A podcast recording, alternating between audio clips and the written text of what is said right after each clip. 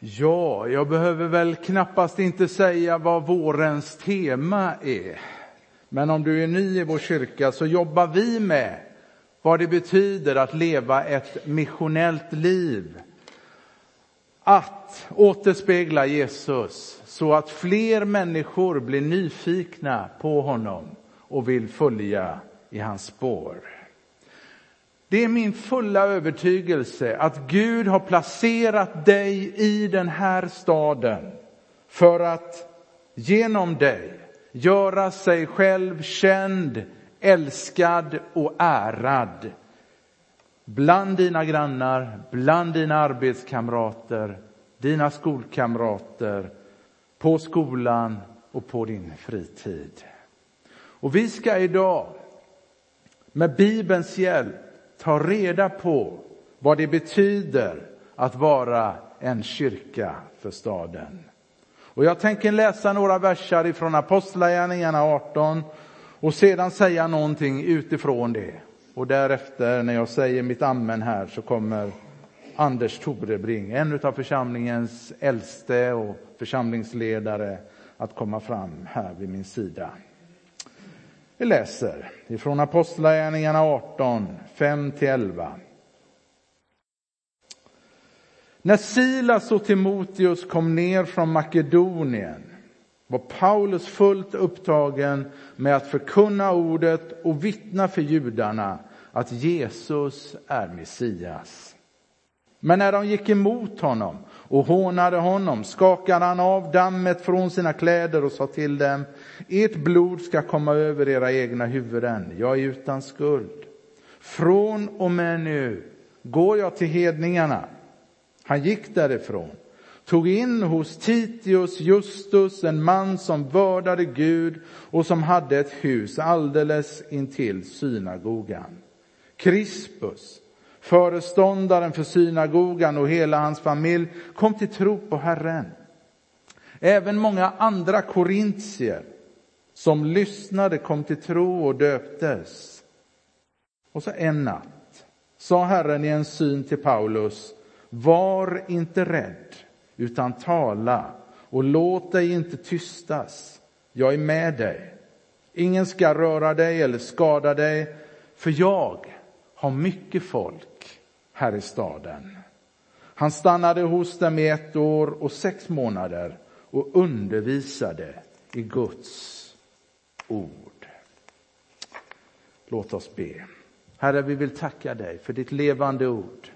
Herre, kom nu, tala till oss, rör vid oss, sätt oss i rörelse. För den här stadens skull, för den här världens skull. Amen. Paulus var en oerhört begåvad missionsstrateg.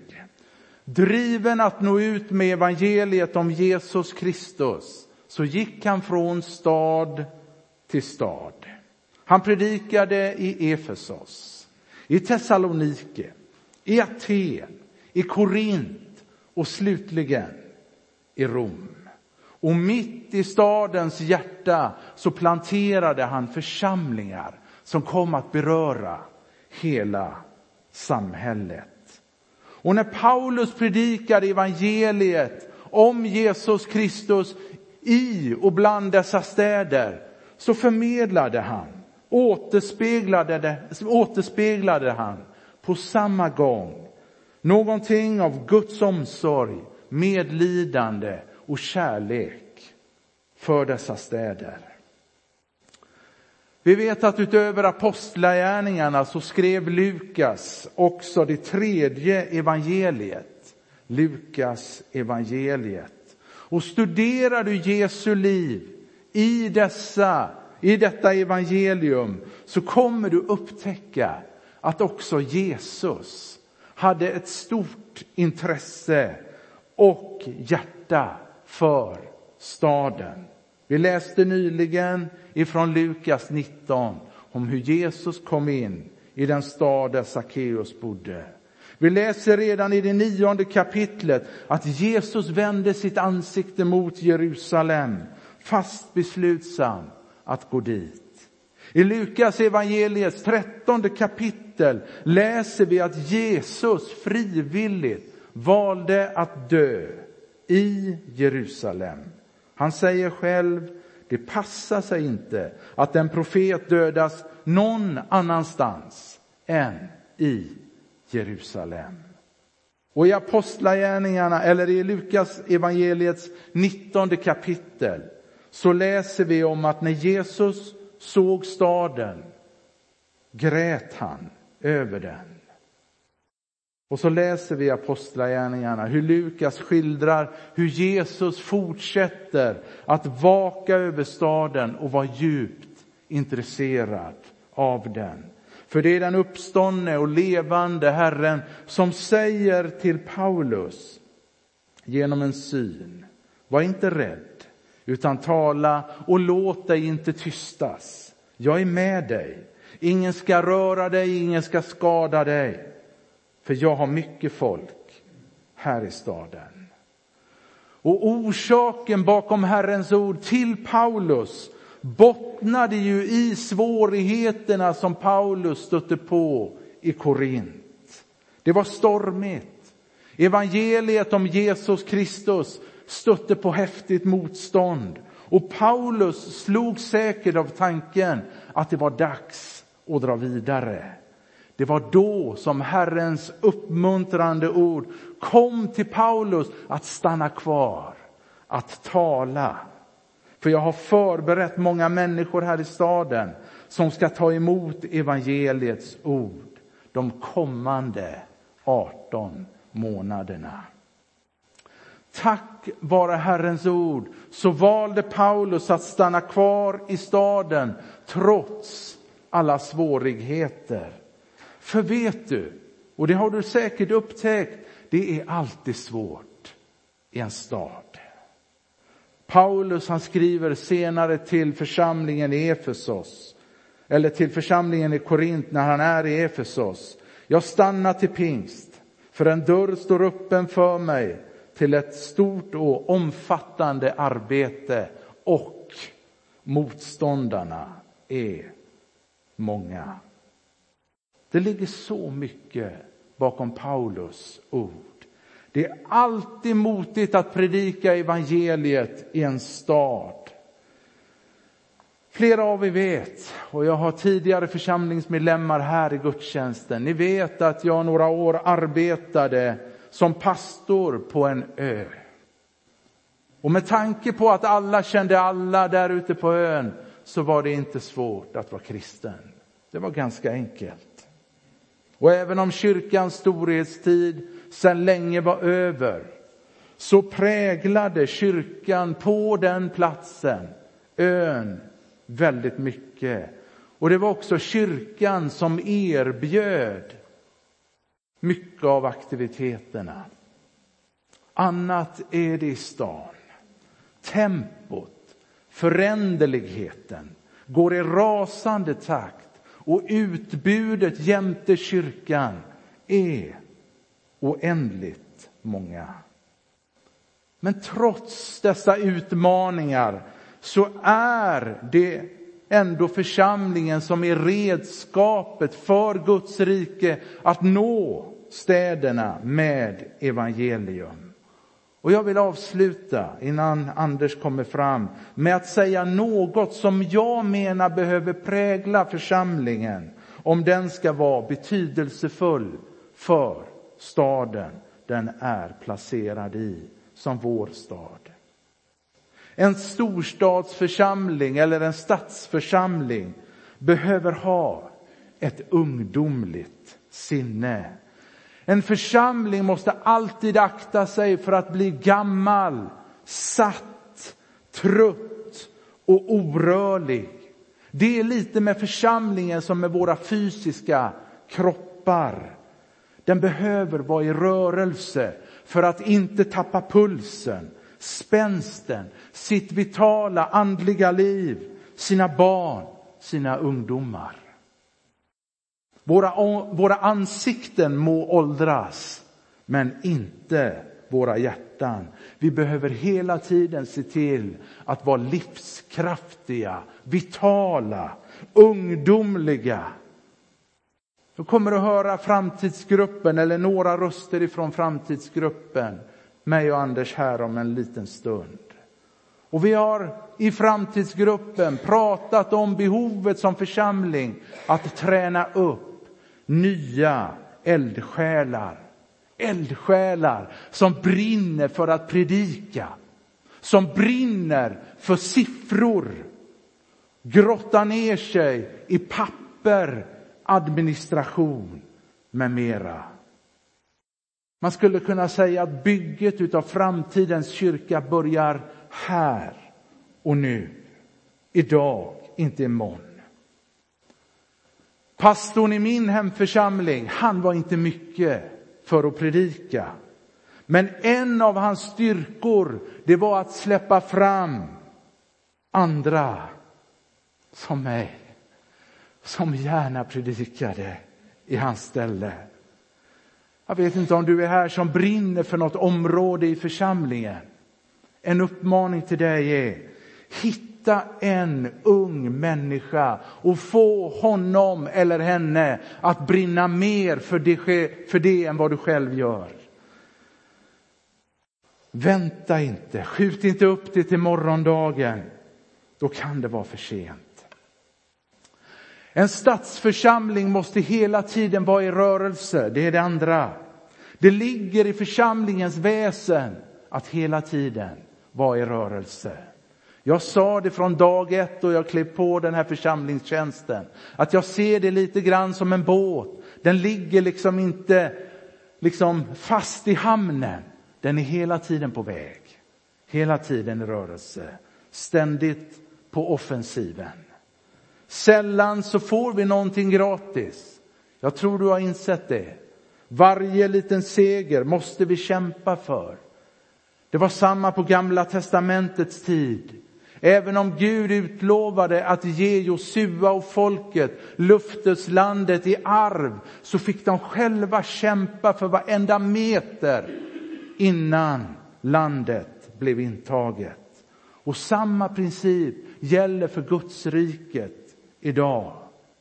Den som sitter och väntar på gynnsammare tider som församling, den lär vänta förgäves. För tiderna har aldrig varit bra för Guds folk. De var inte bra på Noas tid. Ändå ställde sig Noa upp och byggde arken. De var dåliga på Abrahams tid. Abraham var ensam troende bland ett folk som tjänade andra gudar. Dagarna var dåliga på Mose tid. De var dåliga på Elias tid som präglade, präglades av ett stort avfall. Dagarna var inte ens bättre på Jesu tid. Trots att Jesus var Guds son, vad gjorde man med honom? Man korsfäste honom. Han gjorde under och tecken. Och man skulle tänka att människor borde väl förstå, men inte. Mobben vände sig mot honom och korsfäste honom. Dagarna var dåliga på aposteln Paulus tid, för vi läser att han stenades, sattes i fängelse för att slutligen halshuggas. Tiderna har alltid varit svåra för Guds folk. Fråga de förföljda kristna världen över. Paulus som skriver till den lilla församlingen i Efesos. Ta väl vara på varje tillfälle, för dagarna är onda. Paulus satt inte och väntade på bättre tider hemma hos Titius, Justus. Om hade han väntat förgäves. Kanske var det det han gjorde när Jesus eller när Gud, Herren kom som genom en syn och sa, var inte rädd. Paulus tog vara på varje tillfälle, predikade evangeliet för alla, men räknade inte med att alla skulle ta emot det. Det har aldrig funnits enkla tider för Herrens tjänare och det kommer aldrig att göra det heller. Inte på denna sidan himlen. Trots hårt motstånd så måste vi rycka framåt och inte invänta tider som ingen av oss vet säkert när de kommer. Kung Salomo han skriver i Predikaren. Den som spejar efter vind får aldrig så. Den som ser efter moln får inget skörda. Salomo uppmanade sina läsare att inte sitta och vänta på det optimala tillfället utan arbeta på istället hela tiden. Att sitta och vänta på rätt tillfälle kan snarare innebära att ingenting händer. Tiden att tjäna Gud är nu, oavsett om den är bra eller dålig. Och aposteln Johannes, han ger oss en hälsning, ett löfte från Herren. Var inte rädd för vad du ska utstå. Var trogen intill döden, så ska jag ge dig livets krona. Vänta inte på väckelsen, utan tala och agera här och nu. Det sista. En storstadsförsamling behöver leva i nuet. Vi lever här och nu och nuet är allt vi har.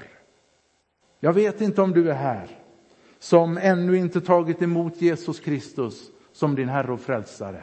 Kanske har du skjutit det på framtiden. Men skjut inte upp i slutet, för nuet är allt du har. Vår tid är nu.